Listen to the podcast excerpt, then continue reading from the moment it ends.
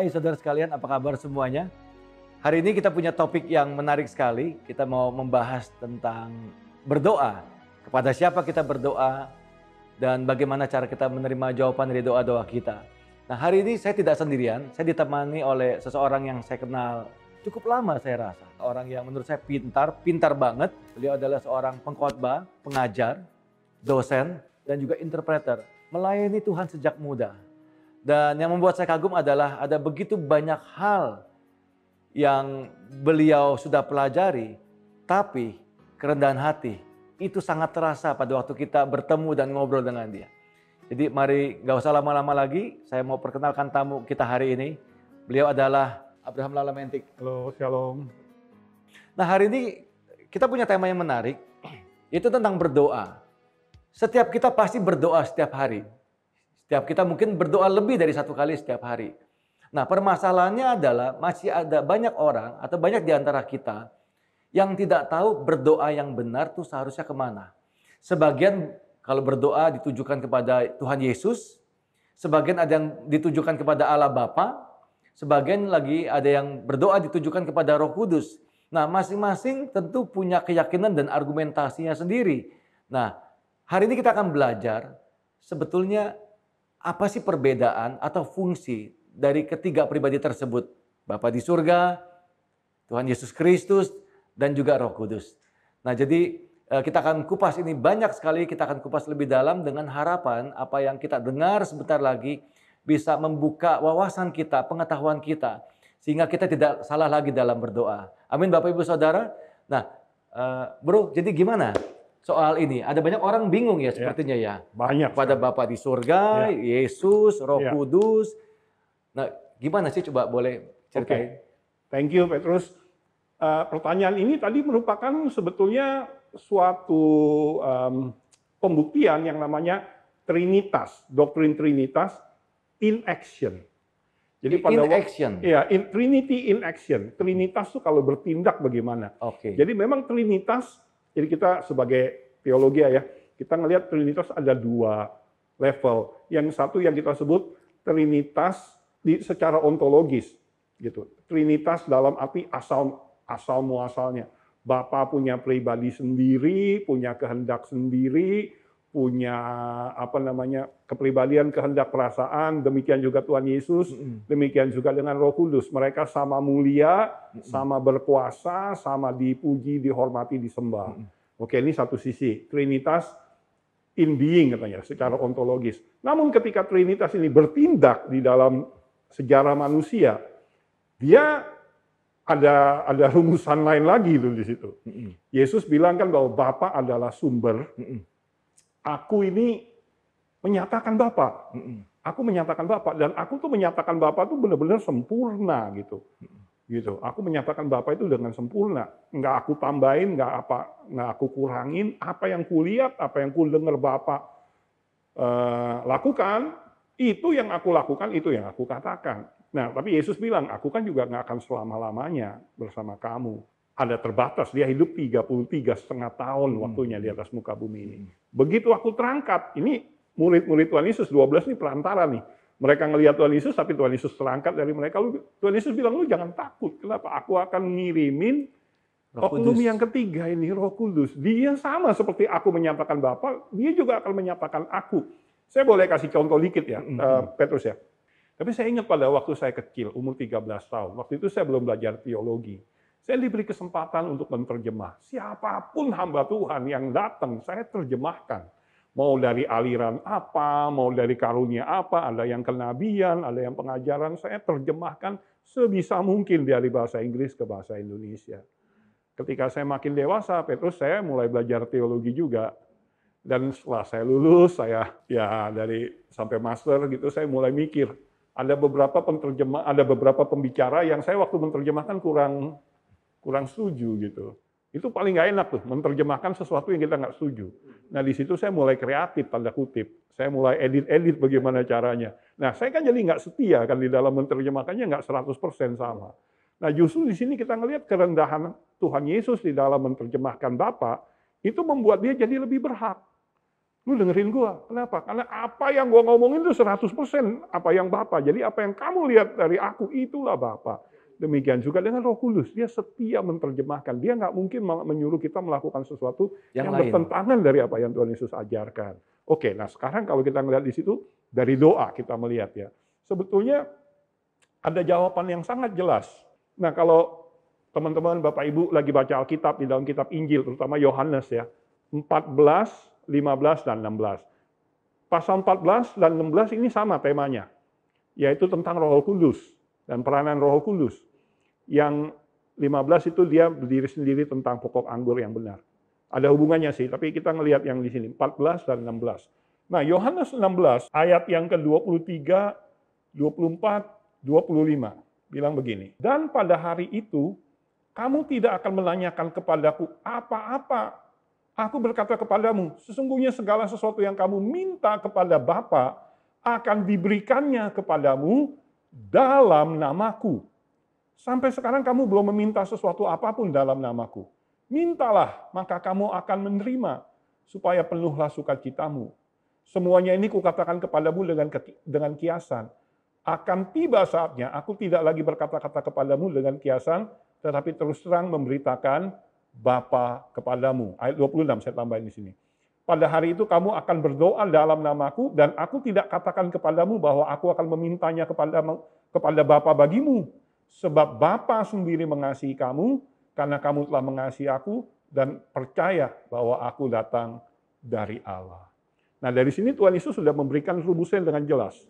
Pada waktu kita berdoa, kita semua berdoa kepada Bapa. Dialah Bapa kita, dialah sumber. Dia yang udah menciptakan segala sesuatu bagi kita. Nama Yesus diberikan sebagai kode otorisasi. Kode otorisasi. Seperti kalau kita ngelihat makin tinggi tingkat keamanan ya kayak dalam perbankan. Kalau ATM Mm-mm. hanya cuma eh, apa namanya? hanya cuma PIN. Pernah saya pernah sekali ngelihat bank yang di Switzerland gitu ya. Itu kalau dia mah bukan cuma PIN itu. PIN ada, kemudian dia ambil sampel darah atau sampel DNA untuk memastikan bahwa antara kode otorisasinya sama orangnya sama nggak Sama persis, ya. Di dalam cerita apa namanya Paulus dengan tujuh anak-anak sekewa, mereka ngeliat eh, apa namanya Paulus gimana caranya orang terima Roh Kudus ya. Oh dalam nama Tuhan Yesus, dalam nama Tuhan Yesus. Dia ngelihat gimana cara Paulus mengusir setan dalam nama Tuhan Yesus. Dan mereka ikut Dan dalam mereka nama Yesus juga. coba ikut cari orang ke, ke kesurupan, Iya. kemudian mereka ikut dalam nama Yesus. Nah itu apa ceritanya? Setan tahu dan Tuhan tahu kodenya benar pinnya, tapi antara si pin sama yang punya identitas masukin nomor ini nggak gak sama. Dia bilang Yesus gua kenal, Paulus gua kenal, tapi lu siapa iya, lu kalian siapa, gitu. gitu. Nah di situ, nah memang kita nggak bisa meng- mengatakan bahwa setiap orang berdoa dalam nama Yesus pasti digenapi, tapi itu hubungan dengan Bapaknya itu. So jadi Bapa adalah sumbernya, Yesus adalah kode otorisasi. Yesus bilang, bukan aku minta kepada Bapa, kamu minta dalam namaku. Kode otorisasi untuk Untuk meminta. untuk meminta. Iya, eh, dalam nama Yesus Bapa aku minta. Iya, untuk meminta doa-doa kita apa yang kita Right, minta right. gitu ya. Nah, sekarang oknum yang ketiga, Roh Kudus. Saya percaya begini, Roh Kuduslah jawaban yang diberikan dari Bapa kepada kita. Sebagai contoh, kalau saya butuh uang, yang paling sederhana aja, saya butuh uang 2 juta lah, 3 juta lah. Saya boleh bilang 99,9999 persen, saya selesai doa nggak mungkin ada pluk Iya, apa namanya uh, uang segepok itu jatuh dari dari surga atau dari genteng lah. iya, iya. Itu sulit. Tapi apa yang Tuhan jawab kepada kita waktu kita butuh uang? Tuhan akan memberikan pengurapan roh kudusnya kepada kita supaya kita tahu kira-kira duit datang dari mana. Hikmat. Hikmat, koneksi, Tuhan gerakan hati orang. Iya. Nggak tahu kenapa roh kudus jamah hati Bapak X gitu ya. Dan Mm-mm. dia telepon saya, Pak, nggak tahu kenapa saya digerakkan Tuhan Iya. untuk berkati Bapak. Misalnya ya, jelas, paling jelas kesembuhan. Kita minta roh kudus mengurapi kita dan Tuhan, eh, dia menjamah tubuh kita. Apa pun, butuh apa pun. Saya yakin Tuhan akan menjawabnya dengan roh kudus. Dialah bahan yang yang merupakan jawaban doa kita itu. Jadi begini, kita berdoa kepada Bapa di surga, lalu doa itu ditutup dalam, nama, Yesus. sebagai kode otorisasi itu. Lalu jawaban dari doa-doa kita itu Tuhan Kudus. kirimkan lewat Roh Kudus. Yes. Dalam bentuk dia bisa Yes. menggerakkan hati Menggerak orang, lain, pengurapan, Iya, dia taruh- mujizat Iya, sendiri. taruh ya. sebuah pemikiran, Iya. ide, hikmat. Itu Iya, semua dari Roh iya. Kudus. Kita lihat Trinitas in action, masing-masing ada bagiannya. ya. Jadi kalau orang bilang bahwa eh, Tuhan taruh di hati saya, itu sebenarnya kurang tepat. Roh Kudus taruh di dalam hati saya. Roh Kudus taruh dalam hati Ya. saya. Walaupun sebetulnya kalau kita bicara Tuhan juga, eh, Yes. mereka Trinitas, Ya, adalah Tuhan juga. ya Roh Kudus adalah Tuhan Ya, juga. ya. Tapi secara pengucapan yang paling pasti itu Roh Kudus yang taruh. Ya, secara pengucapan. Ya. Begitu ya. Heeh. Tapi saya rasa gini ya, Tuhan ngelihat hati sih. Artinya, saya kasih rumus yang paling sederhana. Cuman kalau kita salah sebut, ya ini Tuhan ngomong pada saya atau apa, saya rasa ya nggak terlalu masalah banget. Yang penting hati. Ya, tapi penting. Pertanyaan seperti ini penting untuk, Untuk kita berdoa dengan benar itu juga benar, penting, ya. Nah, lalu kalau misalnya kita salah berdoa, selama ini bagaimana ya? Saya rasa Tuhan Yesus tidak pernah, ini kalau, sorry ya kalau saya istilahkan tadi ya, yang salah bukan doanya. Satu-satunya kata salah berdoa dicatat di dalam Yakobus ya apa? Kamu selama ini berdoa, tapi kamu tidak menerima karena kamu salah berdoa. Karena apa yang kamu doakan, kamu ingin habiskan untuk hawa nafsumu. Betul, betul. Jadi ternyata motivasinya. motivasinya yang salah gitu. Di dalam salah berdoa, saya rasa bukan lebih dari salah kesalahan rumus, tapi kesalahan motivasi orang yang meminta. Jadi kalaupun kita salah nyebut misalnya eh, kepada siapa, kita berdoa Iya. nggak terlalu jadi masalah Iya. selama ditujukannya benar gitu ya. Right, ya. Tapi asal tapi penjelasan ini makanya semakin kita ngerti di Alkitab semakin kita baca, saya juga baru sadar ini kurang lebih tiga bulan ini tentang tentang ini. Jadi eh, pertanyaan yang tadi Pas- eh, Pastor Pet- Petrus bilang itu Tuhan ngomong. Jadi waktu kamu berdoa, kamu berdoa kepada Bapa. Mm-mm. Gitu. Dia Bapa sama seperti Bapa duniawi lah yang peduli Iya, pada iya, kita. iya, iya.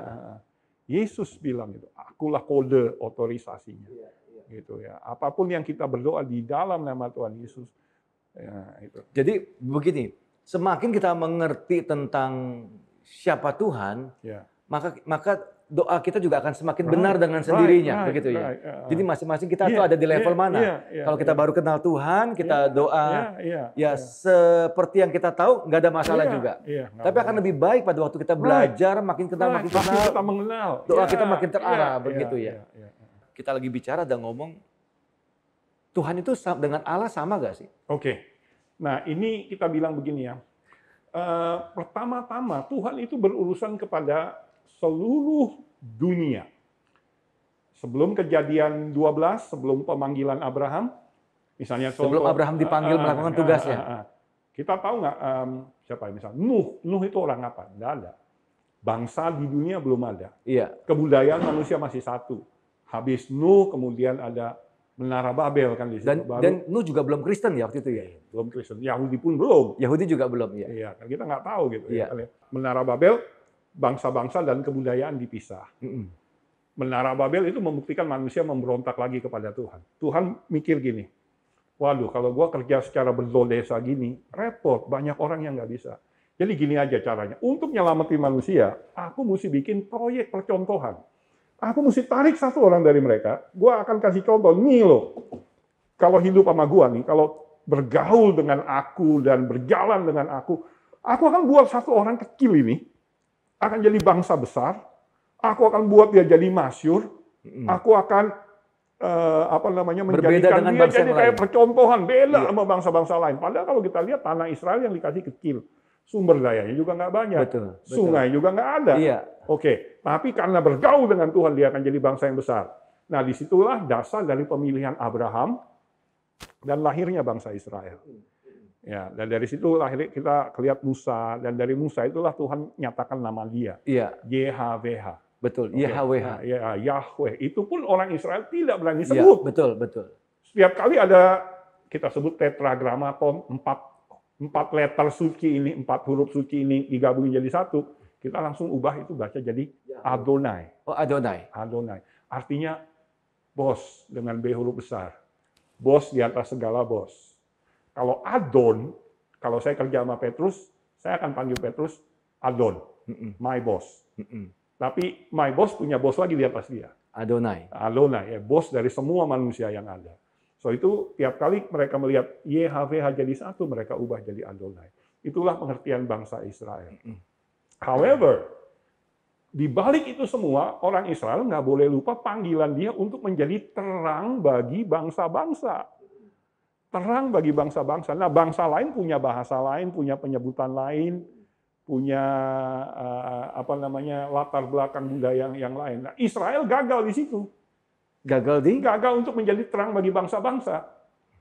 Mereka merasa kalau mereka yang dipilih Tuhan ya sudah mereka they don't care, nggak peduli mengenai bangsa-bangsa lain. Mereka jadi eksklusif. Mereka ya? jadi eksklusif. Tapi Tuhan Yesus datang, Tuhan Yesus membalikkan di mana Israel perjanjian lama gagal, dia suruh gereja untuk teruskan di situ. Jadikan semua bangsa murid gereja yang ada sekarang ya. Gereja yang ada sekarang, gereja universal ini. Nah, ketika gereja memberitakan Injil, mereka berhadapan dengan kebudayaan-kebudayaan yang macam-macam. Yang macam-macam yang ada. Saya ambil contoh ya, bahkan di dalam bahasa apa Yunani sendiri yang merupakan kedua setelah Ibrani perjanjian lama kan Yunani perjanjian Yunani. baru. Kata theos yang ditulis oleh Paulus, Petrus, dan penulis perjanjian baru, itu juga nggak bersih-bersih banget.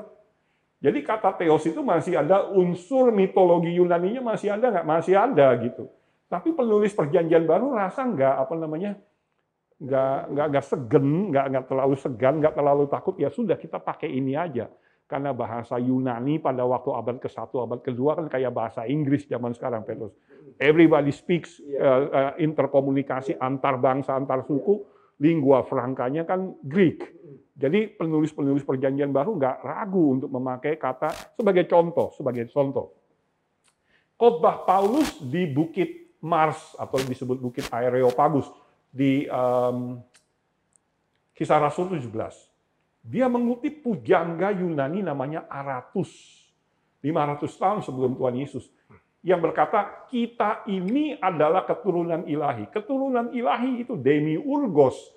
Itu penuh dengan pengertian mitologi Yunani yang yang kalau menurut kita juga nggak bersih-bersih banget gitu. Iya. Tapi itu namanya minimum konteks yang paling bisa dikenal bagaimana. Nah demikian juga ketika misionaris menyebar masuk ke suku-suku termasuk ke Indonesia hmm. sebagai contoh suku Batak. Batak. Uh, mereka ada pertentangan antara menggunakan agama asli Batak yaitu Parmalin. Mereka punya istilah sang pencipta segala segalanya yaitu uh, Simula Jadi Nabolon. Apa itu? Nah, itu seperti Allah pencipta segala-galanya. Oke, oh, oke, okay. okay, uh, ya. Tapi ada sebagian yang merasa enggak, tapi mereka ciptakan istilah baru yaitu Debata Yehova, Yahova. Itu menerjemahkan itu. Tapi kalau kita ngelihat juga dari uh, misalnya kalau kita lihat penyebaran Injil ke tanah Tiongkok misalnya, Cina. Ya kan?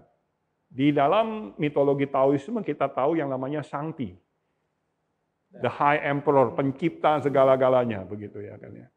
So jadi orang Kristen di China kebagi dua sekarang. Ada yang panggil Sangti, ada yang merasa Sangti masih kurang bersih. Jadi mereka ciptakan Shen. Tapi sen itu seperti L, generik. Bisa diterjemahkan Tuhan, bisa diterjemahkan dewa juga. Gitu. Jadi mereka yang yang benar yang mana? Nah ini jadi artinya antara kebenaran uh, teologis sama kenyataan lapangan. Kadang-kadang kebenaran Gak teologis sama. bisa mesti ngalah juga. Iya. Gitu. Uh, contoh mana lagi itu tadi China, ya Indonesia lah begitu masuk di sini. So, uh, mungkin uh, Petrus pernah dengar siapa yang membantu pertama kali menerjemahkan Alkitab? Leidecker. Enggak pernah. Ada orang namanya Raja Ali Haji. Ali Haji? Eh, Raja Ali Haji. Di Dari, Indonesia? Eh, di Indonesia. So, kita ngelihat bahwa bahasa Melayu pada waktu itu syarat dengan apa? Syarat dengan pengaruh Arab dan Persia.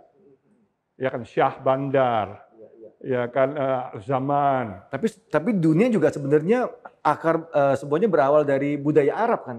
Ya untuk untuk Asia Selatan dan dan Timur Tengah ini. Jadi kan kalau kita ngelihat uh, menurut Samuel Huntington dunia ini ada 26 pusat peradaban. 26. Uh, pusat peradaban. Ya kan Asia Timur, Asia Selatan, iya, iya. Asia Tengah, Timur Tengah, ya kan uh, dan itu jadi kalau kita ngelihat untuk peradaban yang dipengaruhi oleh Arabic culture, Melayu termasuk di dalamnya maka perbendaharaan, perbendaharaan Arabik, perbendaharaan kata Arabik itu kuat sekali.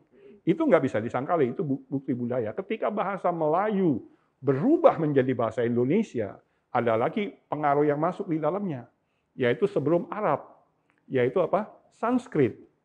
Jadi kita harus ingat, sebelum agama Islam masuk ke Indonesia, 15 abad Indonesia adalah kerajaan Hindu-Buddha. Hindu-Buddha. So, sehingga kata-kata seperti puja, bakti, itu kan memiliki arti sendiri. Puja ini begini bagi orang Hindu itu puja.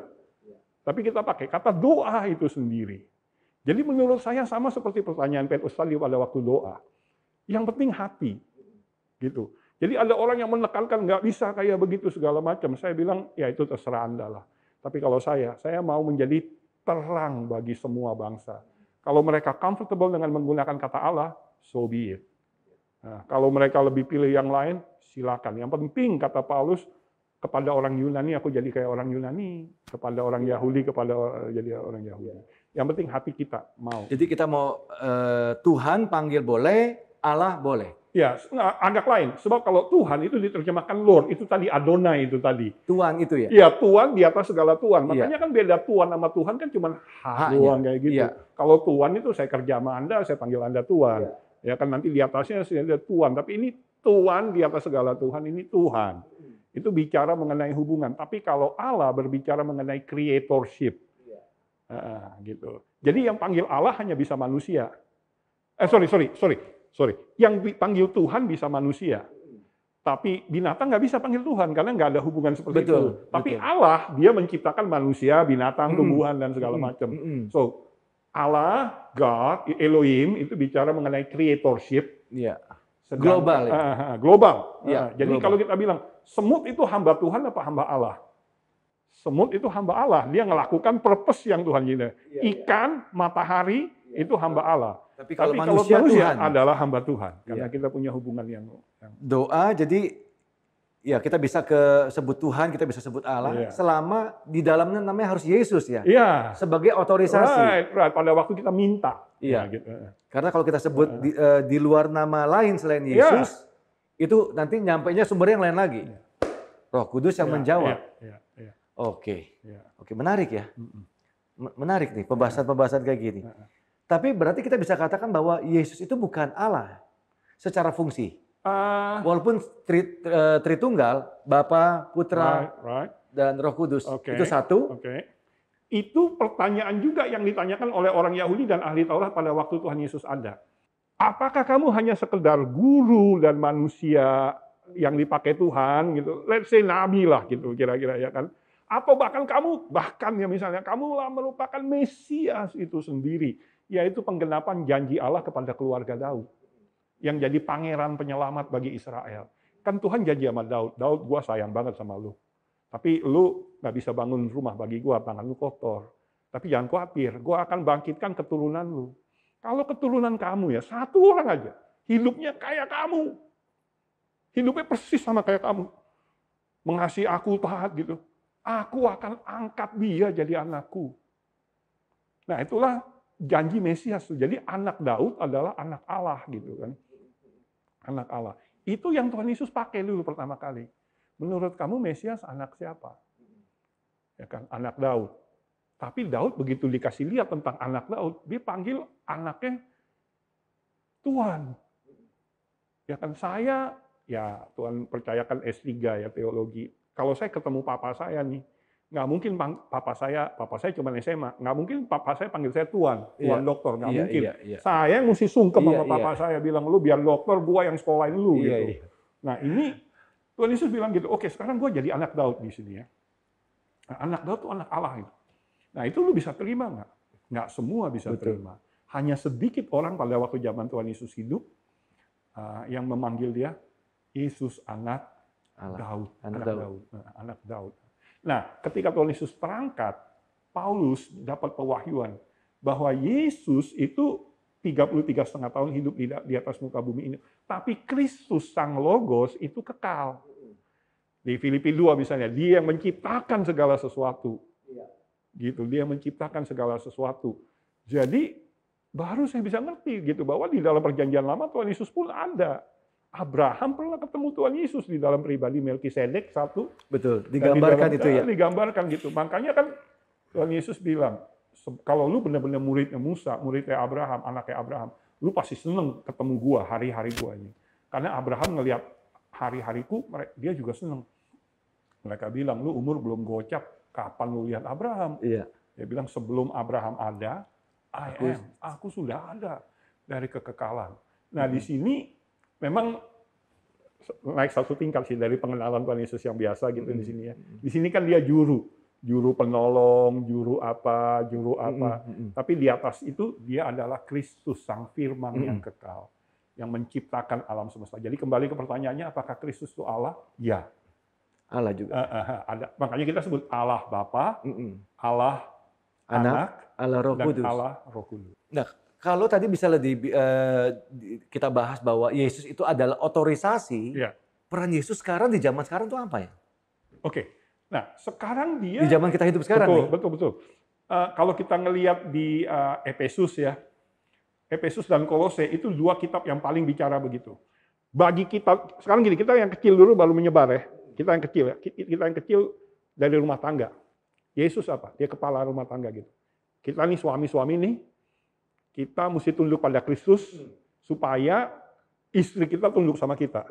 Sekali kita ngaco hidup kita, jangan ngarepin istri kita nunduk pada kita. Gitu. So itu dari yang kecil gitu. Berkesinambungan Eh, semuanya. eh, eh. Kristus tunduk pada Bapa, laki-laki tunduk pada Kristus, istri tunduk pada Suami. di suami di dalam itu. Oke. Ah, itu keluarga. Yang lebih gede dikit, gereja. Kristus adalah kepala gereja. Mm-mm.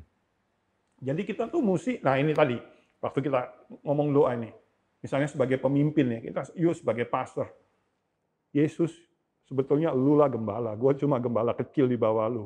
What do you want me to do? Nah di situ kita berdoa kepada Kristus. tuh. Karena dia posisinya sebagai kepala gereja. Bapak nggak nggak pernah dibilang dia adalah kepala gereja. Ya, tapi Yesus di situ posisi resminya. Jadi kayak kita kalau mengirim surat resmi kan jangan mengirim ke sembarangan, mesti ada alamat resminya. Di sini Tuhan Yesus posisi resminya sebagai kepala gereja. Kita cuma gembala-gembala kecil. Kita mesti berdoa. Nanti Roh Kudus jawab. Oke, tuntunannya kepada kita di situ. Itu buat gereja. Buat dunia, dia tetap menjadi yang kita sebut eh, mengatur segalanya. Kita lihat itu di Kolose 2. Jadi saya pikir begini ya, ini bayangan saya. Matahari tiap hari terbit itu ada surat perintah terbitnya gitu, Iya. yang mesti ditandatangani oleh Tuhan Yesus. Kalau enggak nggak boleh keluar gitu, Iya, gitu, iya. kira-kira gitu. Ada surat jalannya gitu, dan bintang dan orbit dunia. Hukum alam Hukum semua bekerja alamnya ya. bekerja. Nah itu logos dia Ada sebagai dalam logos. kontrolnya dia. Ada di dalam dia gitu. So jadi mulai dari kecil, pribadi, keluarga, gereja, alam semesta, Mm-mm. itu peranan Tuhan Yesus gitu. Tetap dia sebagai Allah di atas segala-galanya. Nah, oke. Eh, berikutnya, kalau kita kan sering dengar orang bilang Tuhan bicara, Tuhan Mhm. bicara. Ada lagi yang bilang Roh Mhm. Kudus bicara, begitu ya. Mm, Nah, sebenarnya yang bicara itu mm, Bapa di surga, mm, mm. atau memang Tuhan Yesus bisa Oke. bicara, atau Roh Kudus yang Right, bicara, right, right. atau tiga-tiganya bisa. Ah, bagus. You taruh ini di susunannya kayak begini. Iya. Gitu, gitu ya.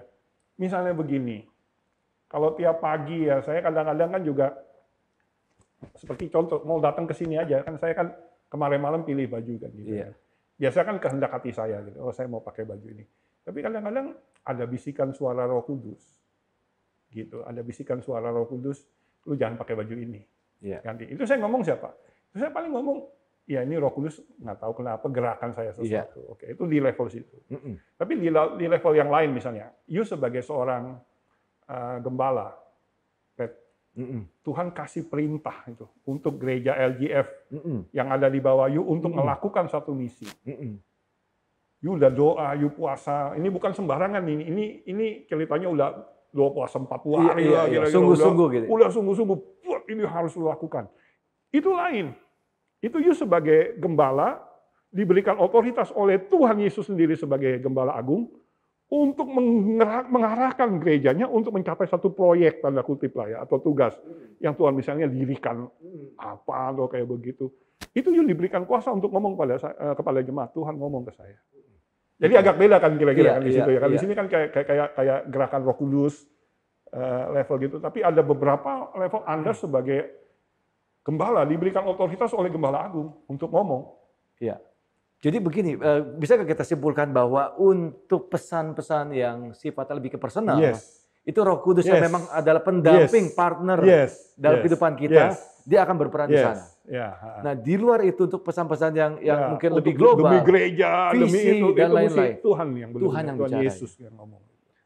Nah, bagaimana cara membedakannya balik lagi tergantung kedekatan kita sama Kedekatan Tuhan sama masing-masing. Tuhan, iya. Ya. Dan itu juga yang bisa membuat orang miss kan antara suara Tuhan sama suara Ya. sendiri. Iya, iya, iya. Iya. Ya, sebagai contoh ya di dalam kehidupan saya pribadi hanya ada beberapa hal di dalam hidup saya yang saya yakin yang saya bisa ngomong dalam level tadi. Ini saya tahu Tuhan ngomong kepada saya untuk saya lakukan. Contohnya? Sebagai contoh, pernikahan nomor satu. Saya tahu ini pasangan yang Tuhan berikan kepada saya. There is no argument untuk you bisa mengubahkan itu. Gitu. Itu satu. Yang kedua, saya tahu saya dipanggil Tuhan jadi hamba Tuhan full time. Gitu. Saya tahu saat ini kalau ada perusahaan lain yang nawarin saya untuk kembali ke marketplace gitu gaji dinaikin 10 kali lipat. Tolak gitu ya. Saya tergoda secara daging tapi saya tahu ini Tuhan ngomong. Saya belum belum waktunya. Saya sekarang masih harus melayani Tuhan full time. Itu, itu Iya. paling dua. Tiga, saya tahu saya mesti melayani China dan Vietnam itu saya tahu. I know this is my assignment. Itu ditaruh secara personal ya. Itu secara personal saya tahu. Gitu. Jadi apa pun yang saya lakukan saya nggak boleh lepaskan ini karena ini yang yang Tuhan berikan. Ya paling ada ya dalam hidup ini yang nggak lebih dari lima jari inilah. Iya, iya. Lima hal yang Yang fix yang saya sifatnya. fix saya tahu ini yang Tuhan kasih. Yang lainnya saya bilang ya ya ini saya dengar maybe yes maybe gitu, Iya, ya, iya, gitu. iya. Tapi apa sih maksudnya kalau bisa kita doa, tiba-tiba kita eh, dapat seperti pesan, entah itu lewat firman, entah itu suara di dalam hati. Kita tahu dari mana kalau itu benar datang dari Tuhan atau dari Roh Kudus atau Nah ini keintiman dengan Tuhan di situ. keintiman ya? Eh, eh, sama Tapi ada nggak tanda-tanda kita tahu tanda-tanda ini gitu? waktu kita telepon ya, ini istri kita apa bukan kan suaranya lama-lama kan kita tahu kan yang kayak gini-gini nggak ada rumusnya ini. Nggak ada Ini rumusnya. orang harus bergaul sama kayak orang naik sepeda. Gimana caranya Ngerasain naik sepeda sendiri ya? harus ngerasain sendiri, feel-nya, balance-nya Iya. gitu. Tapi bisa nggak masuk kategori misalnya orang bilang kalau itu dari Tuhan, maka selalu ada jalan yang Tuhan buka. Nah, Itu kan jadi ciri-ciri gitu. Nah. Ada damai sejahtera, ya, ada ketenangan. Ya. Bisa kita masukin ya, kategori ya. itu dong? Bisa. Ke- eh, nomor satu adalah shalom dulu itu, ketenangan. Iya. Eh, eh. Yang kedua kesaksian dari hati kita sendiri, Mm-mm. kitanya. Yang ketiga mungkin orang-orang lain yang meneguhkan. Yang keempat mungkin pintu terbuka, pintu tertutup. Iya. Tidak semua pintu terbuka dari Tuhan, tidak semua pintu tertutup dari Setuju, setan. Eh. setuju. Nah ini yang yang kita harus belajar mengembangkan sensitivitas gitu untuk untuk melakukan sesuatu. Tapi saya tambahkan sesuatu lagi. Dari mana kita tahu? Jadi di dalam ya firman Tuhan ini ya dengan dengan singkat kita bilang gini, Tuhan punya firman yang tertulis, tapi ada suara Tuhan. Iya. Nah ini contoh kita di bangsa-bangsa yang di Asia Timur yang makan pakai sumpit, ada yang fix satu dan ada yang bergerak di sini. Betul. Nah yang fix itu yang firman Tuhan yang tertulis di sini. Yang nggak boleh berubah. gitu. Yang nggak boleh berubah. Yang bergerak itu yang tuntunan suara Tuhan. Yang tiap keadaan lain. Nah dua ini baru bisa menciptakan kombinasi yang winning, di mana kita bisa makan dan kita bisa comot. Semakin kita akrab, makanya kan disiplinnya berdoa dan baca firman. Nah, berdoa, makin kita baca firman, kalau ada suara yang aneh-aneh, udah jelas nggak mungkin. Nah, dan tapi dengan makin banyaknya firman, kita makin sensitif. Kali-kali ini tuh bisa baca tuh lain gitu.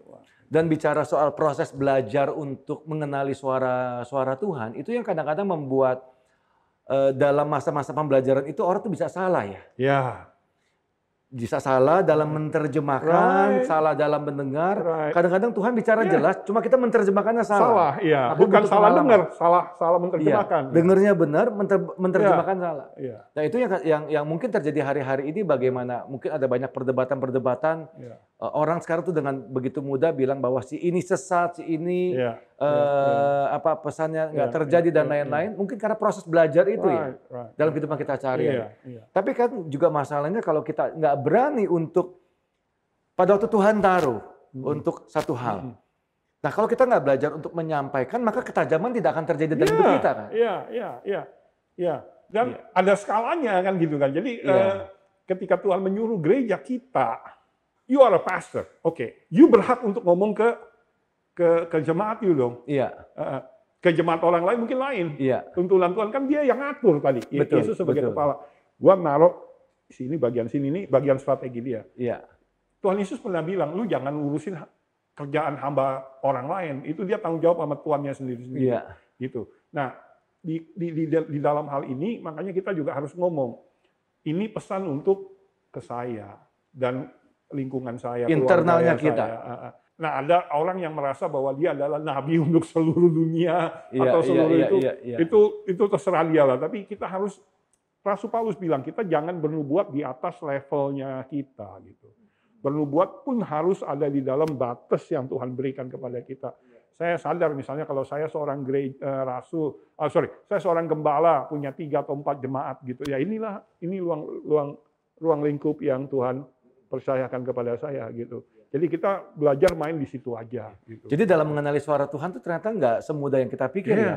Kita bisa dengernya benar, kita ngertinya atau menerjemahkannya Iya, salah. Bisa juga kita memang dengernya salah, mengartikannya Menerjemahnya salah. iya. Atau bisa juga itu memang pesan buat kalangan kita sendiri, buat internal kita Iya. sendiri, buat kelompok kita sendiri. Eh tiba-tiba kalau orang lain dengar, ya Iya. memang nggak cocok Iya, sama mereka. cocok buat dia, iya, iya. Makanya diribut di sini. Iya, iya, iya, iya. So jadi seperti naik sepeda, seperti berenang, ini nggak bisa dirumusin. Iya. Ini ada rumusnya sih kalau Iya. naik sepeda pakai pelindung segala macam. Ya cuma kan balance-nya ini kita harus dapatkan. Iya, iya, iya. iya. Coba sebelum kita tutup diskusi hari ini, ada ada tips gak? Punya tips gak? Gimana sih supaya kita tuh sama Tuhan tuh bisa inline begitu Oke. ya? Kita kenal suaranya, batasan-batasannya bahwa nggak mungkin Tuhan kalau ngomong ini Oke, nggak iya, mungkin iya, iya. dan eh, bagaimana kita bisa Iya. mengenali eh, dia maunya gimana selain baca firman. Baca firman satu, mendengarkan suara Tuhan itu jadi gini, pertama-tama kita harus menyerahkan kembali ini ke tangan dia. Kalau kalau hati kita udah terlalu fix, pokoknya kalau Tuhan ngomong gini, gue udah nggak mau. Tuhan bilang, Susah. gitu. ya, gua ngomong juga susah. Iya, You kita sudah jadi memang Tuhan udah nggak gitu. mau gitu. Yang lebih sederhana gini, belajarlah kira-kira ya untuk memberikan peranan bagi Tuhan untuk hal-hal kecil. Misalnya contoh, besok mesti pakai baju apa. Nggak setiap kali Tuhan ngomong. Saya juga kadang-kadang milih baju tiap malam sebelum besok. Ya sekarang kan kita di rumah yang mungkin Iya, baju iya, apa iya, aja. iya. Tapi kalau acara resmi setiap hari saya ngantor kan malam saya pilih. Kadang-kadang tanya gitu, ini Tuhan boleh nggak ini apa yang lain? Kasih aja kalau dia ngomong ya artinya nggak apa-apa, Iya. Ah, pakai aja. Tapi saya pernah dengar satu kejadian gitu. Jadi teman saya dia pakai apa namanya dia lagi nyusun baju dasi jas dia orang luar negeri ya. Tuhan bilang jangan pakai jas abu-abu, Jangan pakai jas abu-abu. jangan pakai jas abu-abu. Nggak tahu kenapa dia ngerasa itu. Besoknya dia ke bank ada kayak penyanderaan atau apa gitu yang dicari orangnya pakai jas abu-abu. Dia bilang gitu. Untung gua dengerin, kalau nggak bisa gua yang di hal yang kayak kecil seperti itu kan, mau belanja, mau beli apa, kayak gitu. Mulai dari hal-hal semacam itu, mulai dari yang kecil-kecil kalau kita biasa gitu ya, mengundang Tuhan partisipasi. Kita belajar taat dari hal-hal kecil Kecil sehari-hari. nanti lama-lama yang gede juga Tuhan Iya. bisa arahkan. Tapi ini buat buat buat sebagian kelompok yang lain, eh, mereka yang nggak percaya dengan dengan hal-hal profetik akan berkata bahwa ini kita tuh gila ya. Karena karena gini, mereka akan berkata, lu mau pakai baju aja, lu berdoa. Bukankah kita punya kehendak bebas? Ya. Oh. Tapi kalau kita memang kita ngerasa deket sama Iya. Tuhan, kita bisa mulai. Right. Ya, tapi jangan jadi aneh gitu ya. right. Ya. Jangan maksa dapat Right. jawaban tiap hari Dan soal saya baju. juga yakin tidak tiap hari Tuhan ngatur kita. Kita Betul. juga punya kehendak Iya, bebas. But iya. there are sometimes, kadang-kadang Iya. kayak kejadian seperti itu. Kan nggak tiap hari ada Iya. perampokan. Iya. Tapi kalau kita kalau kita mulai latih dari yang kecil sensitif ini, sensitif, maka yang gede-gede Iya. lama-lama kita bisa. itu. Walaupun jarang, kadang-kadang mungkin Tuhan bisa memberikan atau mungkin dia lagi sedikit uh, usil sama kita, dia bisa bersuara soal baju yang kita uh, mau pakai, tempat yang mau kita pergi, eh, makan dan lain-lain. eh, eh. Tapi tidak selalu kita harus Tidak paksa selalu, dapat jawaban dari hal kayak iya. begitu. ya. Jadi intinya kalau kita berdoa, berdoa kepada Bapa di surga, ditutup dengan dalam nama Tuhan Yesus, dan Roh Kudus yang akan memberikan kita jawaban. Begitu ya. Iya.